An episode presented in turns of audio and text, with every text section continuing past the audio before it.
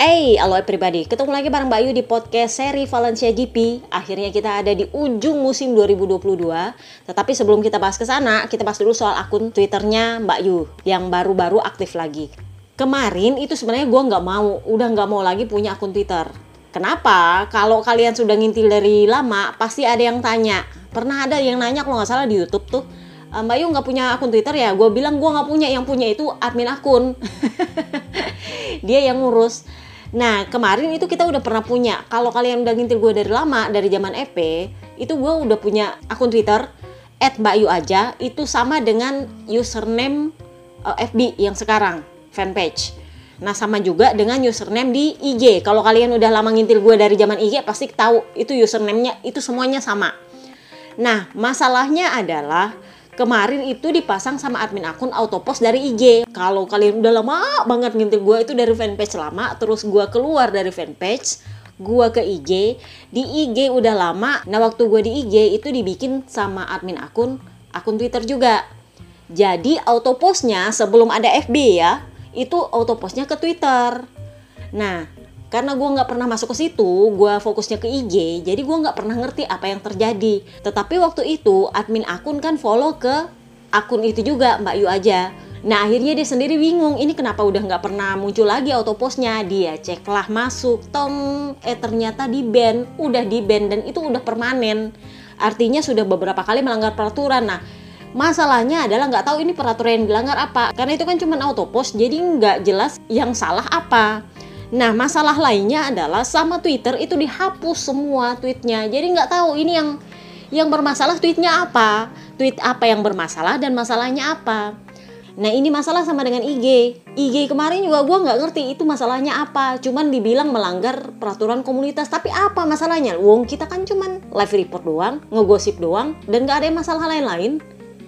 Jadi gue tuh nggak ngerti masalahnya apa. Intinya gue udah males lah ya berhubungan sama Mark shockbreaker satu itu. Jadi kemarin ketika Twitter diambil alih oleh Elon Musk, admin akun itu kembali mencoba appeal. Karena selama ini setelah bertahun-tahun dia appeal, appeal, appeal, mengajukan banding itu ditolak terus sama akun Twitter.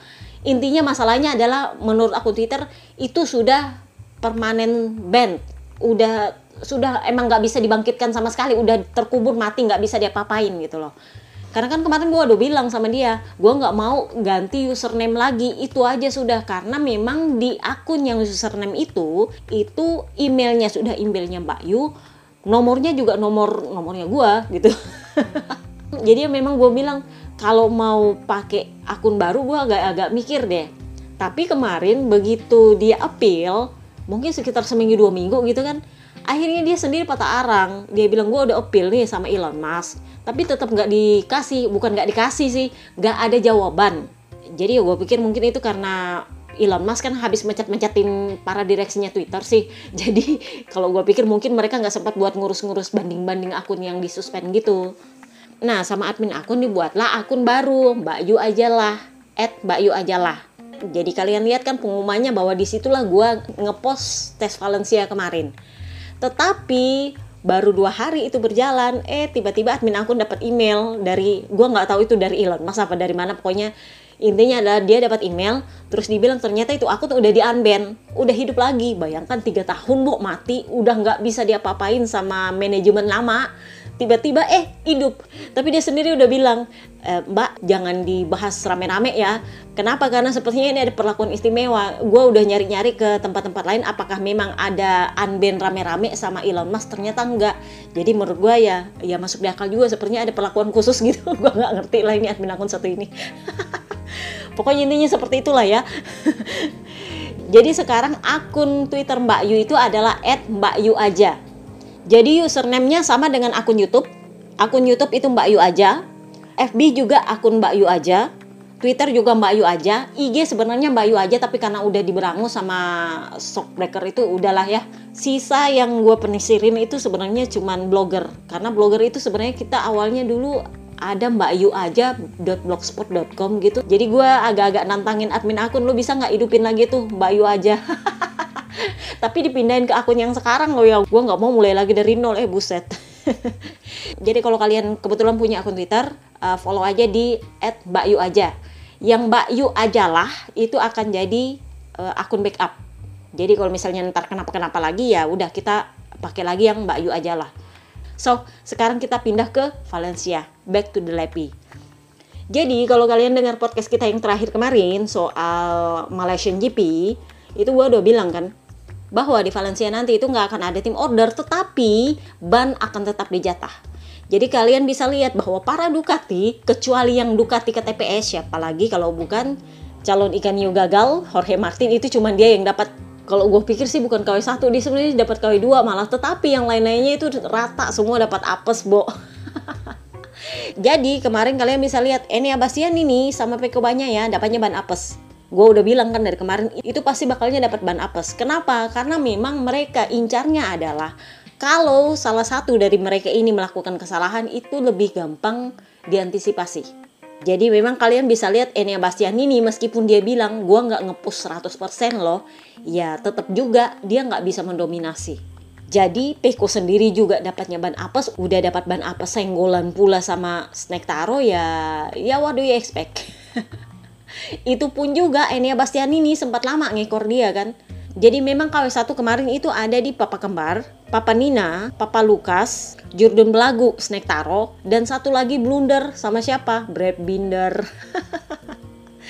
Jadi calon ikan hiu gagal kemarin itu dapatnya sebenarnya dia sih harusnya KW1. Tetapi karena gua udah bilang jaga-jaga jangan sampai dia membelot menolong Pekobanya ya. Jadinya KW2 ini kasusnya sama dengan yang didapat Enia Bastianini kemarin. Tetapi Enia Bastianini akhirnya dapat ban apes. Kenapa? Karena harapannya adalah papa kembar bisa mempertahankan posisi tiga klasemen. Kan kemarin gua udah bilang Alex Espargaro itu cuma butuh finish di depannya Enea Bastianini. Cuma butuh finish di depannya Enea Bastianini. Itu dia bakal bertahan di posisi tiga klasemen. Sebenarnya itu tugas guam puang buang nguat. Gak ada sulit-sulitnya. Mana dia sudah dapat KW1, Oke, okay, jadi ya memang sepertinya takdir memutuskan siapa yang membantu siapa dan siapa yang gagal membantu dan siapa yang gagal mencapai tujuan mereka. jadi kemarin tuh si Mark Marcus itu sempat ditanya, kamu ini adalah salah satu pemutus siapa yang akan jurdun. Jadi selain Enea Bastianini, kemarin gue ada bilang ya, selain Enea Bastianini, Mark Marcus adalah salah satu yang punya kans untuk mendukung salah satu jurdun di antara Peko dan Snake Taro. Kenapa? Karena memang selama ini kalau kalian lihat selain Enea Bastianini yang mengganggu Peko itu adalah Mark Marcus. Jadi kalian memang sudah tahu ini siapa yang arahnya ke mana. Jadi kalau ada yang bilang bahwa Peko Banyaya itu nggak pantas untuk dapat jurdun karena dibantu, sorry to say, kalau mau jujur, Snake Taro itu sudah dibantu bahkan lintas pabrikan, saking rider di pabrikannya nggak ada yang bisa bantu. Jadi yang bantu dia itu secara nggak langsung maupun langsung adalah Enea Bastianini dan Mark Marcus. Itu beda pabrikan, beda tim. Sorry to say ya, makanya gue bilang ini konspirasi of one bukan cuman karena mereka satu pabrikan. Jadi kalau gue menurut gue ya lebih masuk akal sebenarnya Ducati saling membantu karena ini adalah ridernya Ducati. Tetapi Snake Taro kalau kalian mau lihat dari tengah musim itu yang bantu dia itu lebih banyak dari luar pabrikan Yamaha. Enea Bastianini kalian hitung berapa kali sebenarnya dia dalam tanda kutip membantu Snake Taro. Yang paling membantu dia itu adalah di Motegi kemarin. Itu dia berhasil menyingkirkan Pekubanya ya Kemudian Mark Marcus, Mark Marcus itu banyak membantu dia waktu di mana paling vitalnya adalah di Australian GP. Itu kalau bukan Mark Marcus finish di depannya Peko ya. Kalau Rins kalau menurut gue sih nggak membantu siapa-siapa karena dia memang fokusnya adalah Suzuki. Kalau menurut gue ya. Tetapi Mark Marcus kalau dia nggak finish di depannya Peko ya kemarin, lebih cepat tutup Jurdun kemarin si Peko. Nggak sampai Valencia kita. Jadi kalau soal bantu membantu, Snake Taro itu lebih banyak dibantu oleh rider dari tim lain dan dari pabrikan lain. Jadi apakah salah Peko Banyaya dibantu? Sorry itu saya ya, Peko dibantu kemarin itu murni cuma di Thailand. Itu karena memang si Sarko, itu pun si Sarko sendiri sebenarnya kalau menurut gue sih nggak dibantu. Karena Sarko sendiri bilang, kalau gue paksa nyalip, hujan-hujan begitu, kalau bukan gue jatuh ya dia juga jatuh. Jadi resikonya ada. Tapi kalau menurut gue itu sebenarnya masih bisa ada kans lah untuk menyalip. Si Marco Best di Australia itu bukannya dia bantu, enggak dia sendiri bilang, gue mau nyalip, mau, tapi dia itu lebih cepat. kalau ada titik saya bisa nyalip itu treknya sempit. Kalau bukan saya jatuh ya dia jatuh. Sama-sama sama-sama hancur. Jadi ya memang kalau menurut gue di Australia dia itu nggak dibantu. Sama dengan Enia Bastianini di Sepang. Itu bukannya dia mau bantu enggak. Dia sebenarnya malah nggak mau bantu. Dan dia memang sudah taktik pengen menyerang di lap terakhir cuman sayangnya adalah dia sendiri bilang traksi saya sudah habis karena dia kan cuma dapat KW2 jadi kalau saya memaksa setengah setengah dengan kekuatan yang sisa setengah itu kalau bukan saya nyenggol dia ya kami jatuh jadi sebenarnya dia nggak sama sekali mau membantu Peko sebenarnya. Itu yang sampai bikin kemarin Opa pernah gebrak meja waktu ngomong sama Ciabati. Karena menurut Ciabati dia sama sekali nggak membantu. Jadi memang di sepang kemarin itu Eni Bastian ini sama sekali nggak ada niat membantu dan dia memang nggak niat membantu. Itulah kenapa di Valencia itu mereka nggak dapat tim order sama sekali. Terserah lu mau finish di mana, yang penting Peko banyak ya itu finish. itu saja intinya dulu. Tapi apakah nanti si Quartararo nanti ujungnya dia menang atau apakah nanti tiba-tiba seapes-apesnya si Peko Banyaya ternyata finishnya di bawah P14 ya berarti itu memang sudah nasib. Itu karena takdir yang bicara. Tetapi kalau kalian memang mengejar posisi tertentu ya silahkan. Karena ini adalah race terakhir dan sisa kalian gimana bagusnya aja. Yang intinya adalah jangan bikin pusing Peko Banyaya. dan itu akhirnya tetap kelihatan si Peko sendiri kalau menurut gua dia cukup berbesar hati untuk membiarkan eh, teman-temannya yang Ducati Ducati ini maju untuk finish di depan dia. Jadi setelah dia tahu si Quartararo ternyata nggak menang karena kan misinya mau nggak mau Quartararo kalau mau tetap punya Kens Jurdun dia harus tetap menang. Kalau nggak menang nggak bisa. Jadi karena dia tahu si Quartararo nggak menang, jadi dia punya bisa dibilang sudah punya posisi aman karena dia bannya juga nggak bagus ditambah dengan wingletnya udah lepas ya udah dia akhirnya membiarkan teman-temannya yang dari Ducati itu maju satu persatu. Nah yang blunder adalah Brad Binder. Gue tuh sebenarnya agak bingung kenapa dia bisa dapat undian KW1 apakah karena supaya DPRD nggak dicurigai apa gimana? Tetapi saking blundernya itu akhirnya itu yang bikin Jurdun belagu nggak bisa finish podium. Akhirnya gapnya makin besar Selain itu, selain itu, ini Jordan Drakor sebenarnya dia itu kan emang sudah niat untuk podium 101. Jadi kalau ada yang tanya, kok dia dapat ban apes? Enggak, dia pakai ori. Tetap dia pakai ori. Cuman asal kalian tahu, Valencia itu banyak ban khusus asimetris depan belakang dengan sisi kiri lebih tebal. Sebenarnya ini mirip-mirip dengan alokasi Sachsenring, tetapi Sachsenring itu karkasnya yang karkas khusus. Kalau Valencia, karkasnya normal, tetapi asimetrisnya yang depan belakang. Nah, dia sebenarnya emang sudah jatah ori. Udah gue bilang, ini kan home race-nya dia. Hure-hure podium itu wajib untuk dia karena dia kan kejarnya podium 101. Nah, masalahnya adalah dia juga harus melihat kondisinya Quartararo. Apakah bisa memberikan jalan atau tidak? Nah kemarin itu dia ada di depannya Quartararo. Sebenarnya bukan nggak mau kasih jalan enggak tapi memang Quartararo-nya yang emang motornya nggak bagus. Emang udah ditakdirkan sebegitu.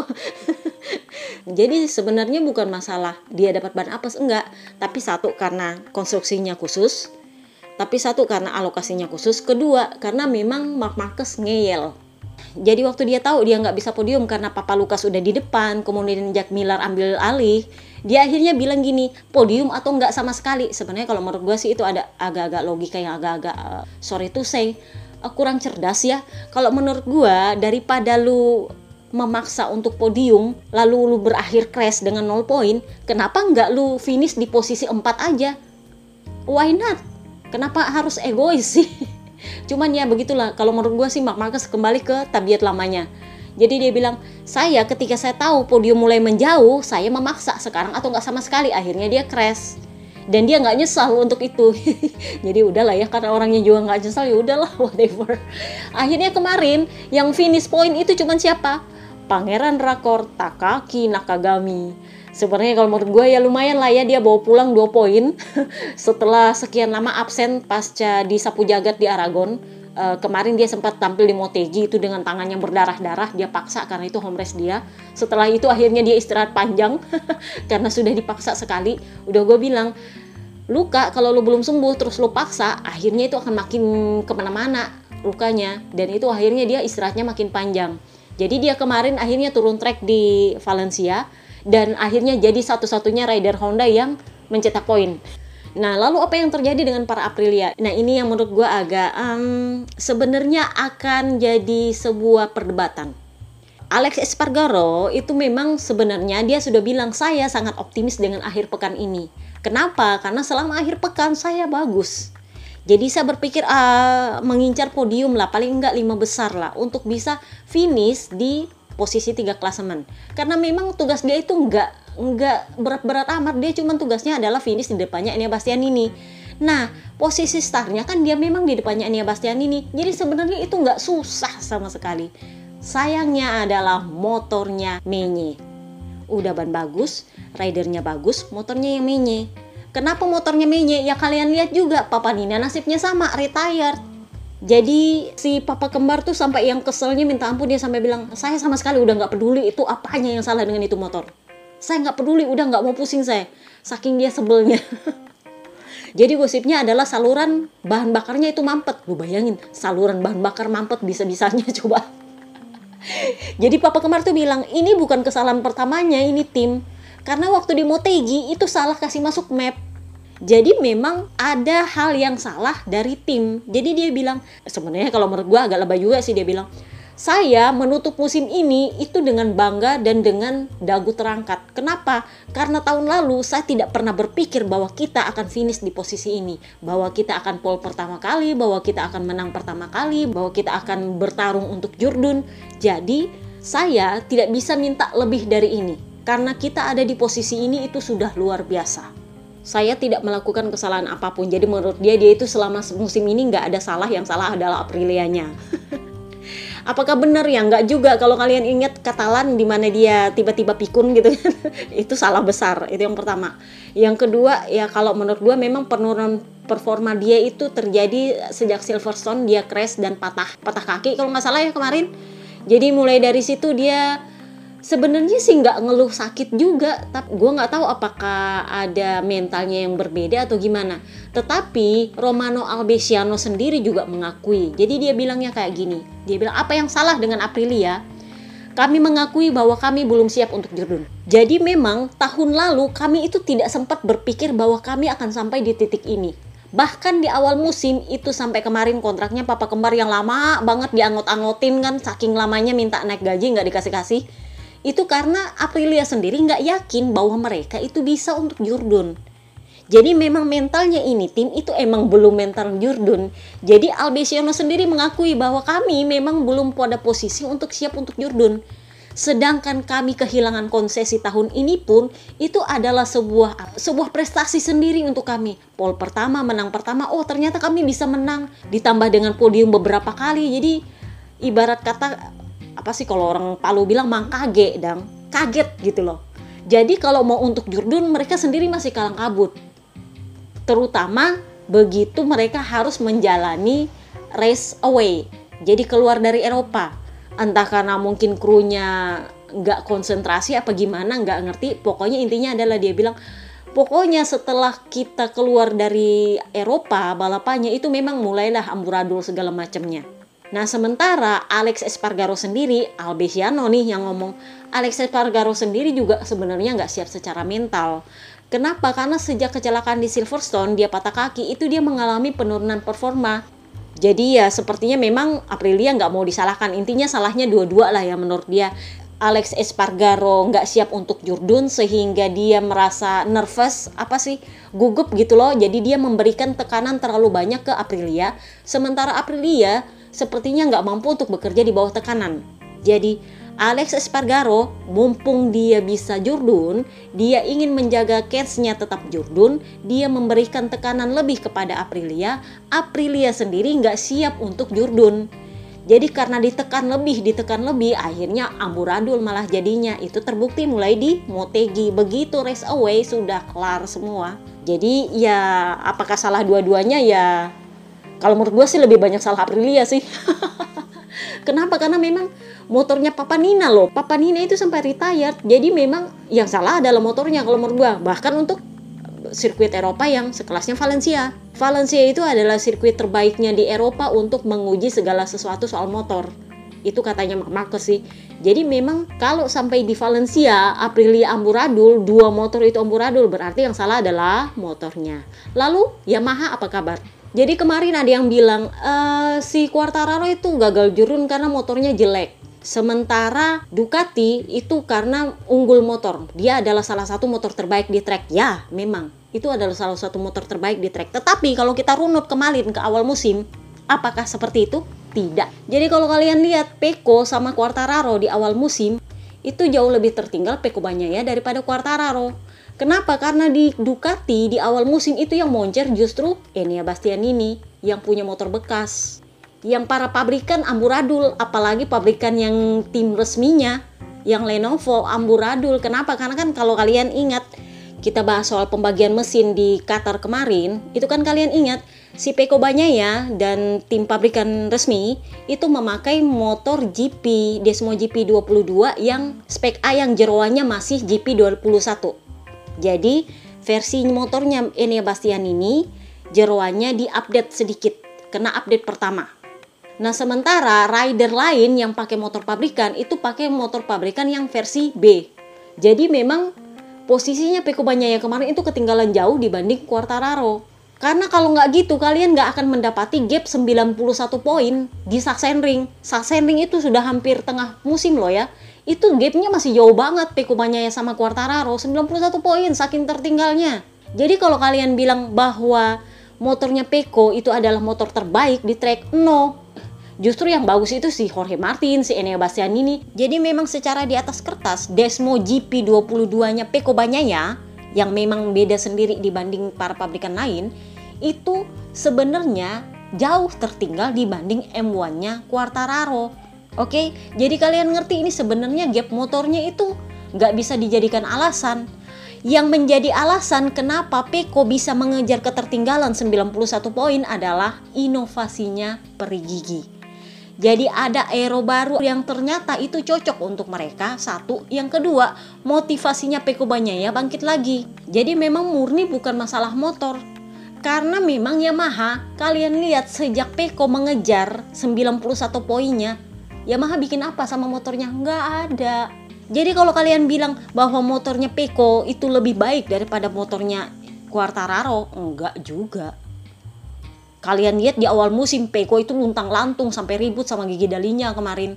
Saking gigi dalinya tersinggung soal motornya, dan gigi dalinya akhirnya berinovasi dengan aero dan karena berinovasi dengan aero si Peko emosi sendiri oke masih ingat dia ribut di Qatar bayangkan dengan Quartararo yang mulai menang menang menang menang dan menang itu sampai gapnya 91 poin. Dan dari 91 poin itu itu adalah comeback terbesar bahkan lebih besar daripada Bebe Vale loh untuk mengejar comeback untuk menjadi Jurdun itu akhirnya dia bisa kejar. Bukan karena motornya bagus enggak. Tapi karena Ducatinya dia itu diupdate, diupdate, diupdate. Bukan update mesin tapi update aero ditambah dengan Peko Banyaya yang mulai memperbaiki mentalnya. Sementara Quartararo mulai tengah musim, gua udah bilang, bahkan di Asen pun dia sudah mulai wanti-wanti soal Peko karena kalau menurut gue dia sebenarnya udah down duluan soal Peko mulai tengah musim karena memang mulai tengah musim dia itu udah mulai pikirin Peko, Peko, Peko, Peko akhirnya turun turun turun turun turun terus ada aja apesnya. Karena memang mental dia sendiri juga mikirnya adalah mikir Peko. Kalau kalian bongkar-bongkar kita podcast setahu gue sih Asan apa Sasendring kemarin ya itu dia sudah mulai bilang gue waspada soal Peko gue nggak mau pikir soal Alex Espargaro tapi gue pikirnya adalah Peko dia sudah mewanti-wanti soal Peko Waktu itu gue bilang apa ya? Uh, dia sepertinya belajar dari musim lalu ketika Peko di akhir musim itu justru mulai bagus. Jadi dia mulai wanti-wanti dirinya sendiri. Nah Suhesti ini yang akhirnya bikin dia sendiri amburadul di akhir musim. Jadi kalau menurut gue ada yang bilang dia itu mentalnya bagus. Kalau menurut gue sih enggak. Dia hanya mencoba menyembunyikan kondisi mental dia yang asli. Sorry to say ya, sorry to say. Sorry to say. Karena mulai dari Australia yang dia mulai koar-koar itu adalah bukti bahwa dia mencoba menutupi sesuatu. Ini adalah gelagat yang menurut gue sama dengan Mark Marcus, jurun rakor. Kalau dia udah mulai koar-koar, it means something happen inside him. Kita akan mencoba begini, kita akan mencoba begitu. Itu artinya adalah dia sebenarnya ada rasa psikologinya di dalam itu mencoba meyakinkan dirinya sendiri. Nah ini agak berbeda mentalnya dengan Peko Banyaya. Peko bilang, ayo mari kita lihat press press gimana jadinya nanti. Kalau kondisinya bagus ya kita akan berusaha sebaik mungkin. Pokoknya intinya adalah race press. Itulah kenapa si Peko bilang saya selalu mencoba menjaga kakiku tetap di tanah. Dia nggak pernah keluar-keluar sama sekali loh ya. Kalian lihat sepanjang musim ini apakah dia pernah keluar-keluar? Enggak sama sekali. Tapi Quartararo justru ketika dia di NF di Australia dia keluar-keluar malah. Jadi kalau menurut gue itu sebenarnya dia mencoba untuk menenangkan diri dia sendiri.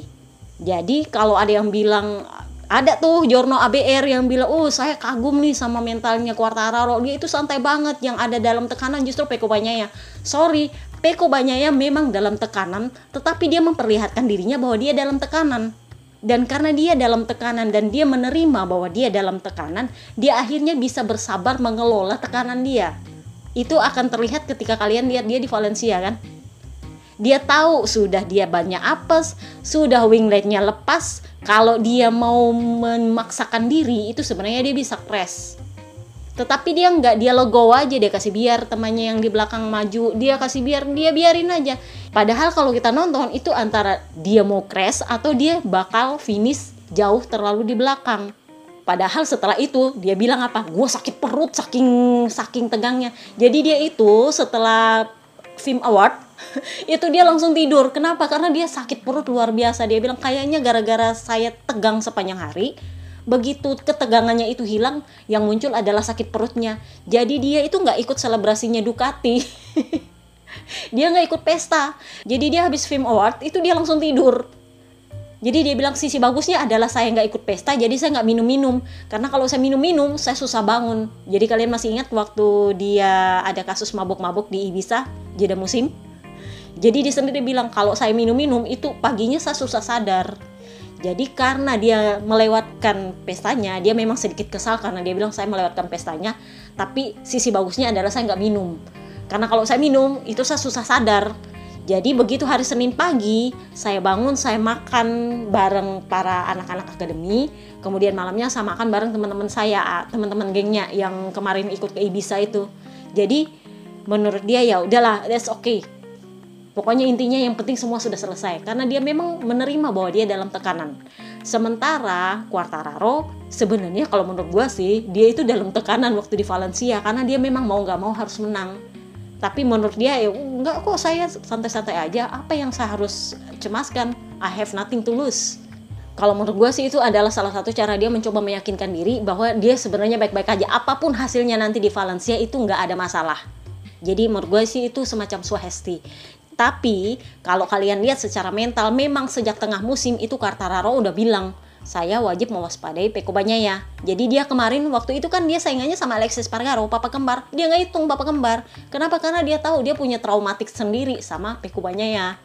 Jadi menurut gua itu adalah awal dari amburadulnya musim ini bagi Quartararo. Jadi memang sejak itu semuanya amburadul hingga akhir musim. Nah untungnya adalah karena fanbase dia adalah fanbase kedua terbesar dari Jurun Dakor untuk rider yang masih membalap di track saat ini, dialah yang mendapatkan Agostini Award. Jadi kalau kalian dengar podcast Malaysia kalau nggak saya, gue lupa Malaysia apa Australia, gue udah bilang itu ada award baru untuk rider pilihan fans dengan overtake yang paling bagus.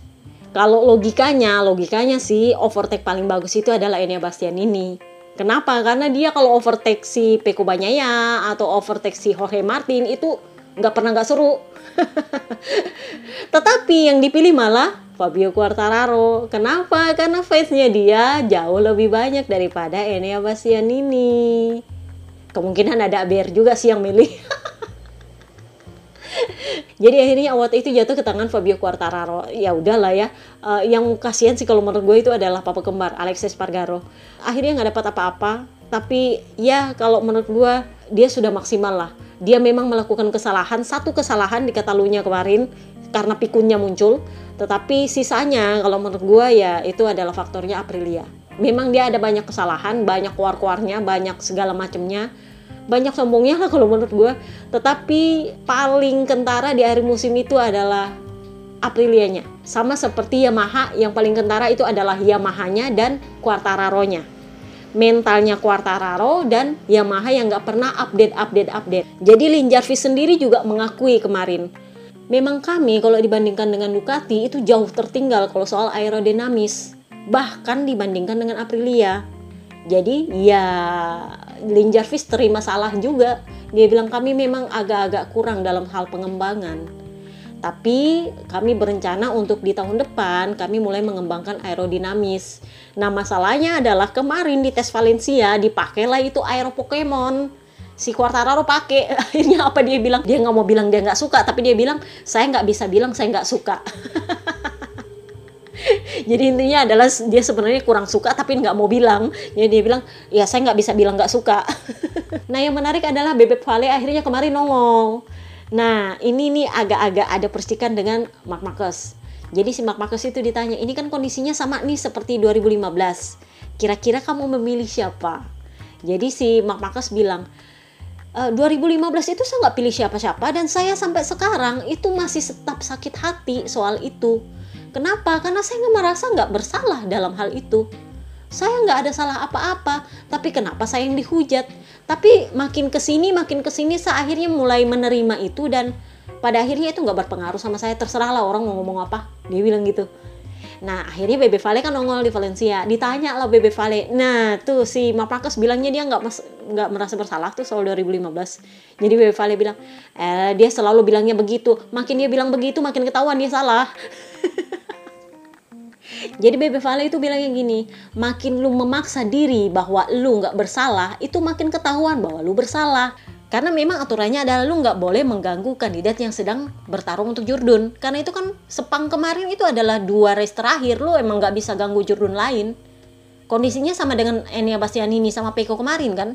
Cuman bedanya adalah Enia itu satu pabrikan, jadi RD itu lebih memilih ya udah lalu selesaiin sendiri pada pada Ducati dan ujungnya adalah Enia Bastianini kan waktu itu batal memaksakan untuk menyalip Peko ya.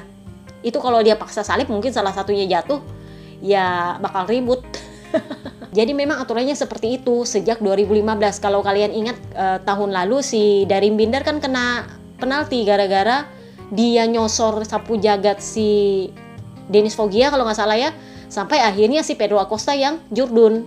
Jadi ya kondisinya seperti itu. Nah kemarin kan ditanya sama Bevale tuh si Mapakes nggak merasa bersalah. Jadi Bevale bilang makin dia ngomong seperti itu makin ketahuan dia salah. Jadi kalau menurut gue sih takdir tuh lumayan adil kemarin di Valencia Mark Marcus itu sama sekali nggak disorot sampai dia crash. dia crash baru disorot kamera. Lebih banyak disorot kamera itu adalah Peko. Nah ini yang bikin uh, fans toxic di luar sana. Fans toxic itu menurut gue sih gabungan dari ABB, ABI, ABR, fansnya Quartararo. ini yang bikin emosi mereka karena memang Peko banyak terus yang disorot, Peko terus yang disorot. Ya karena memang dia terus yang harus battle sama orang lain jadi kan kemarin kondisinya adalah dia harus battle sama Brad Binder, dia harus battle sama para Ducati lainnya, Luca Marini, Enea Bastianini, siapa lagi ya kemarin yang nyalip dia? Oliveira kalau nggak salah ya, gue lupa. Pokoknya intinya lumayan banyak lah ya yang nyalip dia. Jadi akhirnya dia terus yang disorot. Jadi bukan karena dia anak emas, enggak. Tapi memang dia yang paling struggle kemarin. Udah banyak apes, wingletnya hilang, udah dikejar-kejar lagi dari belakang. Jadi intinya adalah kalau menurut gue ya memang dia layak disorot. Sementara Quartararo kan sendirian, dia mau battle sama siapa coba? ya wajar lah dia nggak dilihat nah sementara Mark Marcus itu ya kalau menurut gue ya lumayan humble juga karena dia itu sama sekali nggak disorot kecuali waktu dia crash dan waktu perayaan kemarin dia itu memilih untuk udah nggak usah dibahas. Bebe Vale pun juga sama humble-nya. Dia itu cuma datang untuk memberikan selamat kepada Pekobanya ya. Setelah itu udah dia menyerahkan semuanya ke Ducati dan Pekobanya ya karena dia tahu itu adalah harinya Peko, bukan harinya dia. meskipun ketika di starting grid itu kalian bisa lihat itu mukanya segede gaban di belakang. Mungkin di PRD tingkat pusat agak-agak sakit hati sama Valencia karena memang dia pasangnya BB Vale punya muka tuh gede banget di belakang. Jadi intinya kemarin Ducati itu menang Triple Crown pabrikan terbaik tim terbaik kemudian rider Jordan jadi triple crown. Sementara Aprilia ya upside down itu adalah satu-satunya pabrikan yang nggak finish sama sekali kemarin. Kalau Honda masih ada finish paling nggak bawa poin si Nakagami. Kalau Aprilia itu sama sekali nggak ada yang finish kemarin. Jadi upside down banget di Valencia. Berita terbarunya adalah Max Biaggi akhirnya dia memutuskan membubarkan timnya di Moto3 dan gosipnya dia akan bergabung dengan Aprilia. Uh, gua nggak tahu apakah bakal jadi coach atau bakal jadi manajer Gua nggak tahu manajernya di mana dan siapa. Pokoknya intinya dia akan dapat kedudukan di Aprilia. Oke, kita udah bahas soal race. Nanti kalau ada yang kurang, kita bahas di podcast berikutnya ya. Soalnya ini libur, jadi gue nggak tahu kita akan podcastnya kapan, dua minggu depan atau seminggu depan. Suka-suka gue lah ya. Sekarang kita bahas soal tes Valencia. Jadi rider yang udah pindah tim sama pindah pabrikan itu kemarin semuanya turun dengan motor mereka masing-masing. Kebanyakan sih nggak pakai sponsor dulu. Kenapa? Karena memang rata-rata mereka masih terikat kontrak dengan tim lamanya.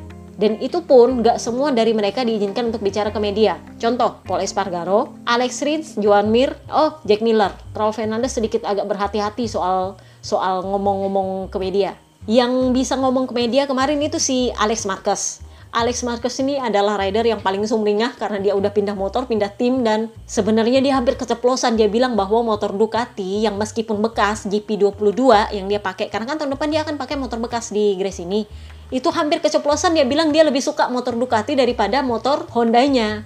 Karena kan dia kan di Honda LCR itu kan sekarang dia pakainya Honda pabrikan RCV 22 Sementara tahun depan itu dia bakal pakai GP22. Jadi di atas kertas itu head to head adalah tahun yang sama.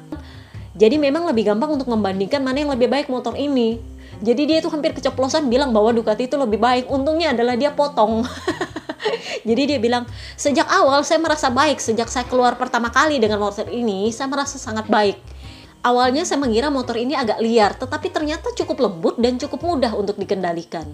Jadi saya pada dasarnya lebih suka kalau mau salah satunya nah tit dia putus kenapa karena dia takut salah ngomong dia masih terikat kontrak pak nggak bisa menjelek-jelekan Honda jadi gosipnya sih dia ngomong sama kakaknya si Mark Marcus kan si Mark Marcus nanya eh gimana motor baru lu karena kan mereka ada jeda makan siang tuh jadi si Alex Marquez itu katanya bilang, wah saya suka tuh motornya enak loh. Ternyata memang Ducati itu bagus. Gosipnya sih si Mark Marquez agak cembokur. Jadi kalian bisa lihat itu si Mark Marcus tuh sampai yang nggak menyelesaikan seluruh sesinya di hari tes itu. Dia kalau nggak salah selesai di jam-jam 4 apa kalau nggak salah. Kan tesnya sampai jam 5. Nah dia itu selesainya lebih cepat. Alasannya dia itu adalah dia merasa motornya itu amat sangat mengecewakan. Jadi kalian masih ingat kita bahas tes Misano yang waktu itu Puig bilang dia kan kemarin tuh masih patah lengan kalau nggak salah ya. Terus di tes Misano si Puig memaksa dia untuk turun trek dengan ancaman bahwa kalau dia nggak turun trek itu pengembangan motor 2023 itu nggak bakal ke mana-mana. Nah, akhirnya dia turun trek. Ternyata setelah turun trek dia nggak dikasih motor pabrikan, dikasihnya motor biasa. Alasannya adalah cuma untuk mengetahui bagaimana sensasi dia di atas motor dengan lengan dia yang baru sembuh.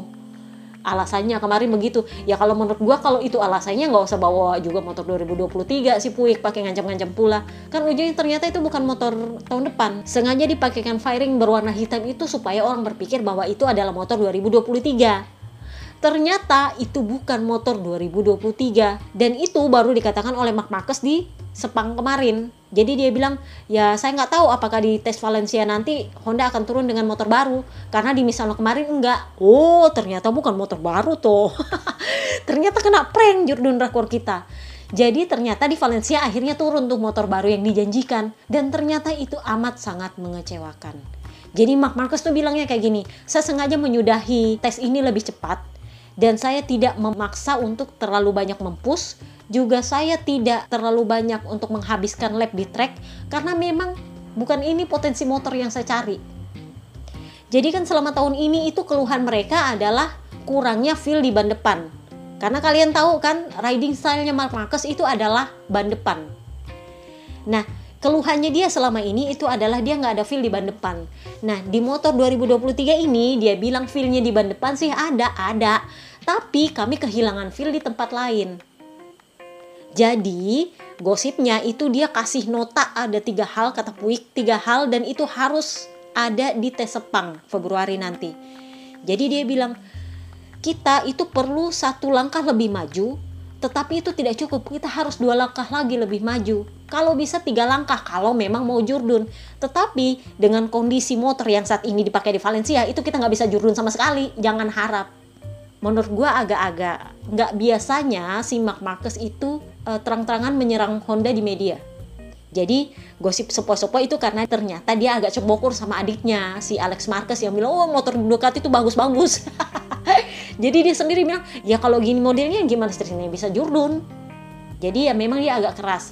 Nah, waktu di tes bahan bakar hari Kamis di sirkuit Jarama ya, apa ya namanya? Gue lupa. Itu akhirnya dia memperbaiki bahasanya. Dia bilang ya sebenarnya saya eh, nggak perlu panik juga sih. Tapi saya tetap 100% mempercayai Honda dan saya ingin mari kita sama-sama sama-sama memperbaiki diri. Karena saya tidak bisa mengetahui potensi maksimal saya kalau motornya juga nggak maksimal.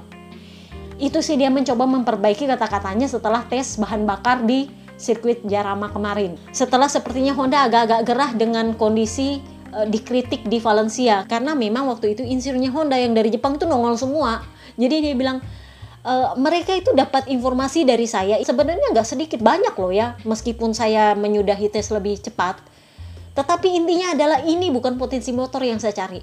Nggak bisa dipakai untuk jurdun di motor kalau mau dipakai jurdun. nah, sementara Quartararo, nah ini lain lagi ceritanya. Meskipun dia nggak sekecewa Mark Marquez, tapi dia juga ya sama lah keluar juga belagunya. Dia kesal juga. Jadi dia bilang gini, di Misano, masih ingat di Misano kemarin kan dia turun dengan motor baru. Motor tahun depan loh itu dia turun di Misano. Jadi dia bilang, di Misano kemarin itu saya sudah senang oh ini powernya lumayan bagus jadi sisa untuk ditingkatkan dan diperbaiki masih ingat waktu itu gue udah bahas ya nah ternyata di Valencia malah melempem jadi dia bilang kalau top speed mau dibandingkan dengan motor tahun ini di dua race terakhir itu cuman beda sedikit. Padahal ekspektasi saya ini akan ada peningkatan dari Misano kemarin. Eh ujung-ujungnya ya hampir sama dengan motor tahun ini. Ya percuma. Jadi dia bilang kalau bisa dibilang kesel ya saya kesel. Karena bukan seperti ini yang saya harapkan. Saya harapkan ada peningkatan dari tes Misano kemarin tapi ternyata nggak ada. Malah top speednya ya 11-12 dengan M1 2022 yang ngapain? Apa yang jadi? Nggak ada yang jadi ini percuma. Jadi memang ekspektasinya bahwa kalau di Valencia ini itu akan ada peningkatan yang dari Misano. Tapi ternyata nggak ada peningkatan dari Misano, top speednya malah nggak nambah. Itu yang bikin kecewa. Nah si Franco Morbidelli itu ya karena dia emang lumayan cool, jadi dia bilang e, apa yang terjadi dengan Yamaha? Ya kalau menurut saya sih ya kurang lebih ya sama seperti kaki saya lah, patah kakinya. Yamaha kemarin sama Franco Morbidelli cobanya coba sasis, jadi sasis yang dipakai oleh Quartararo di Misano itu dia uji kemarin di Valencia Sementara uh, Quartararo itu menguji aero Pokemon yang di belakang.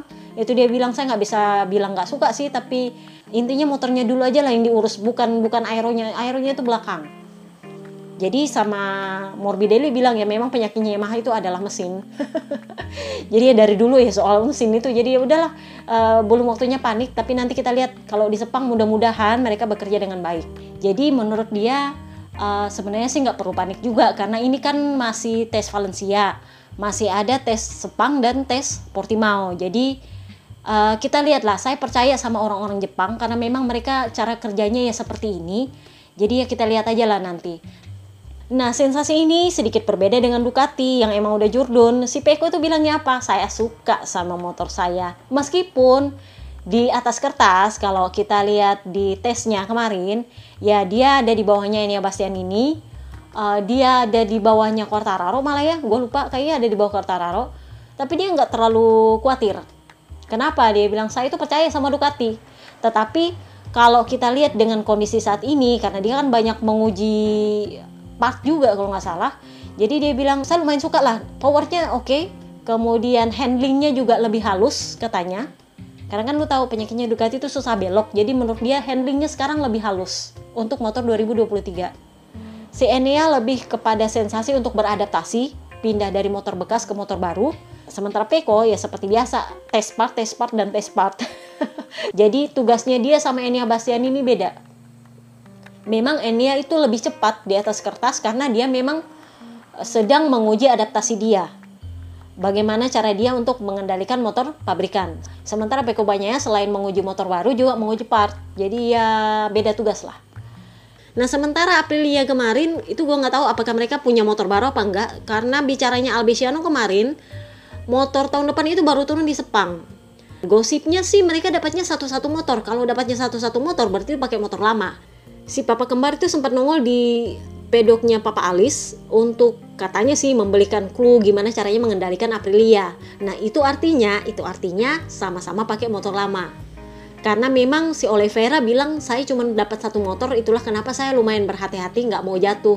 Tetapi ya secara keseluruhan ya lumayan lumayan bagus lah sensasinya. Dia juga nggak mau terlalu banyak bicara karena dia juga masih terikat kontrak dengan KTM. Apalagi Raul Fernandez itu nggak bisa ngomong sama sekali. nah sementara Jack Miller itu nggak bisa ngomong ke media, jadi nggak ada wawancara sama sekali soal sensasi dia di KTM. Paul Espargaro juga sama sekali nggak bisa ngomong sama media, terikat kontrak. Yang bisa ngomong itu cuma Augusto Fernandez, karena dia memang dari KTM, Moto2 naik ke KTM MotoGP. Jadi si Augusto Fernandez tuh bilang, ini adalah pertama kalinya saya memakai motor MotoGP, dan akhirnya saya mewujudkan impian saya. Sensasinya sendiri memang berbeda dengan Moto2. Bedanya sih motor ini lebih bertenaga dan lebih cepat. Jauh lebih cepat daripada motor Moto2 titik pengeremannya justru sama. Motor dengan motor yang lebih cepat di titik pengereman yang sama itu artinya adalah ngeremnya itu harus lebih dahsyat. Jadi ya menurut dia memang sensasinya agak berbeda tapi dia menyukainya. Intinya adalah dia mau adaptasi dulu. Si Mir sama Alex Rins sebenarnya nggak bisa ngomong ke media jadi media itu nanya ke Mark Marcus, nanya soal clue, kira-kira ini dua gimana reaksinya. Jadi si Mark Marcus bilang, uh, saya nggak terlalu banyak bicara sih sama mereka tapi intinya adalah mereka sepertinya agak terkejut dengan motor Honda.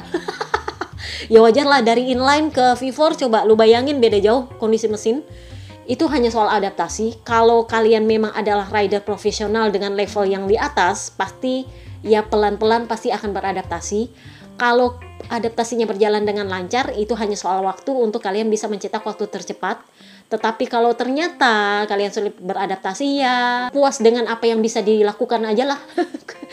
Dia sendiri juga nggak bisa bicara banyak mewakili Rin sama Mir sih. Tapi intinya adalah kedua Suzuki ini gosipnya memang agak kaget perubahan mesin. Tapi kita lihat nanti Alex Rins sama Yuan Mir gimana kabarnya adaptasinya. Kalau menurut gue sih lebih bagus uh, Alex Rins. Karena Papa Lukas ini adalah tipe rider yang rider pengembang yang kalau menurut gue kalau adaptasinya bagus, ini bagus nih. Cuman sisa support aja gimana model. Jadi kemarin tuh ada yang nanya, e, Mbak Yu Oliveira dapat motor pabrikan apa enggak? Di Aprilia nanti dia itu akan dapat motor pabrikan. Papanya Oliveira kalau nggak salah kemarin yang bilang dia bakal dapat motor pabrikan, Cuman ya supportnya aja nanti kita lihat gimana model. Wilco Silemberg itu kemarin di interview, jadi dia bilang kayak gini, bedanya Yamaha sama Aprilia adalah kalau Aprilia satelit ya satelit, motor bekas ya motor bekas, kalau motor pabrikan ya motor pabrikan sama. Jadi nggak ada yang ceritanya bullshit spek A, spek B, spek C, karena kan kemarin dengan Yamaha itu yang bikin pusing di situ spek A, spek B, spek C karena kan beda-beda harganya. Ya kalau memang mau kasih motor bekas ya motor bekas aja sekalian, tapi harganya juga harga motor bekas dong ya. Kalau motor pabrikan, ya motor pabrikan. Nggak usah pakai spek A, spek B, spek C yang beda-beda harganya. Kan pusing. Kurang lebihnya sih seperti itu katanya. Jadi intinya si Raul Fernandez dapatnya motor bekas, sementara si Papa Alis itu bakalnya dapat motor pabrikan. Cuman nanti sisa supportnya sama seperti Alex Rins itu nanti supportnya yang gue pertanyakan akan seperti apa. Apakah akan nasibnya sama seperti Alex Marquez selama di Honda? Who knows? Tetapi di Grace ini Alex Marquez itu memang kelihatan bahwa Ducati amat sangat mendukung dia. Ini yang bikin Mark Marquez gosipnya cemburu. Michel Piro, test ridernya Ducati itu sampai nongol di di pedoknya Grace ini buat ngajarin si Alex Marquez. Bayangin coba saking saking komitmennya Ducati untuk mendukung Alex Marquez. Jadi memang si Mark Marquez ini gosipnya agak-agak cembokur karena sebegitu besar dukungannya Ducati untuk adiknya. Padahal kalau secara head to head nih mereka ini musuhan. Tapi pada akhirnya tuh mereka tetap welcome sama Alex Marquez. Padahal sebenarnya kalau mau bisa di veto itu sebenarnya bisa di veto. Gigi dalinya bisa veto Grace ini kalau waktu mau ngambil dia kan. Tapi ternyata nggak di veto. Dan ujung-ujungnya dia tetap dapat support dari Ducati dengan munculnya si Piro di pedoknya Alex Marquez. Kan itu kelihatan bahwa itu memang supportnya Ducati lumayan gede buat dia jadi ya kurang lebih seperti itulah. Nah sekarang kita pindah dengan gosip terbarunya. Jadi gosip terbarunya di Valencia kemarin, karena Baby Valen nongol di Valencia, itu katanya ketemu sama Lin Jarvis. Gosipnya Lin Jarvis itu membujuk Valentino Rossi untuk memindahkan timnya Munivia 46 Ducati itu ke Yamaha di akhir 2024 nanti.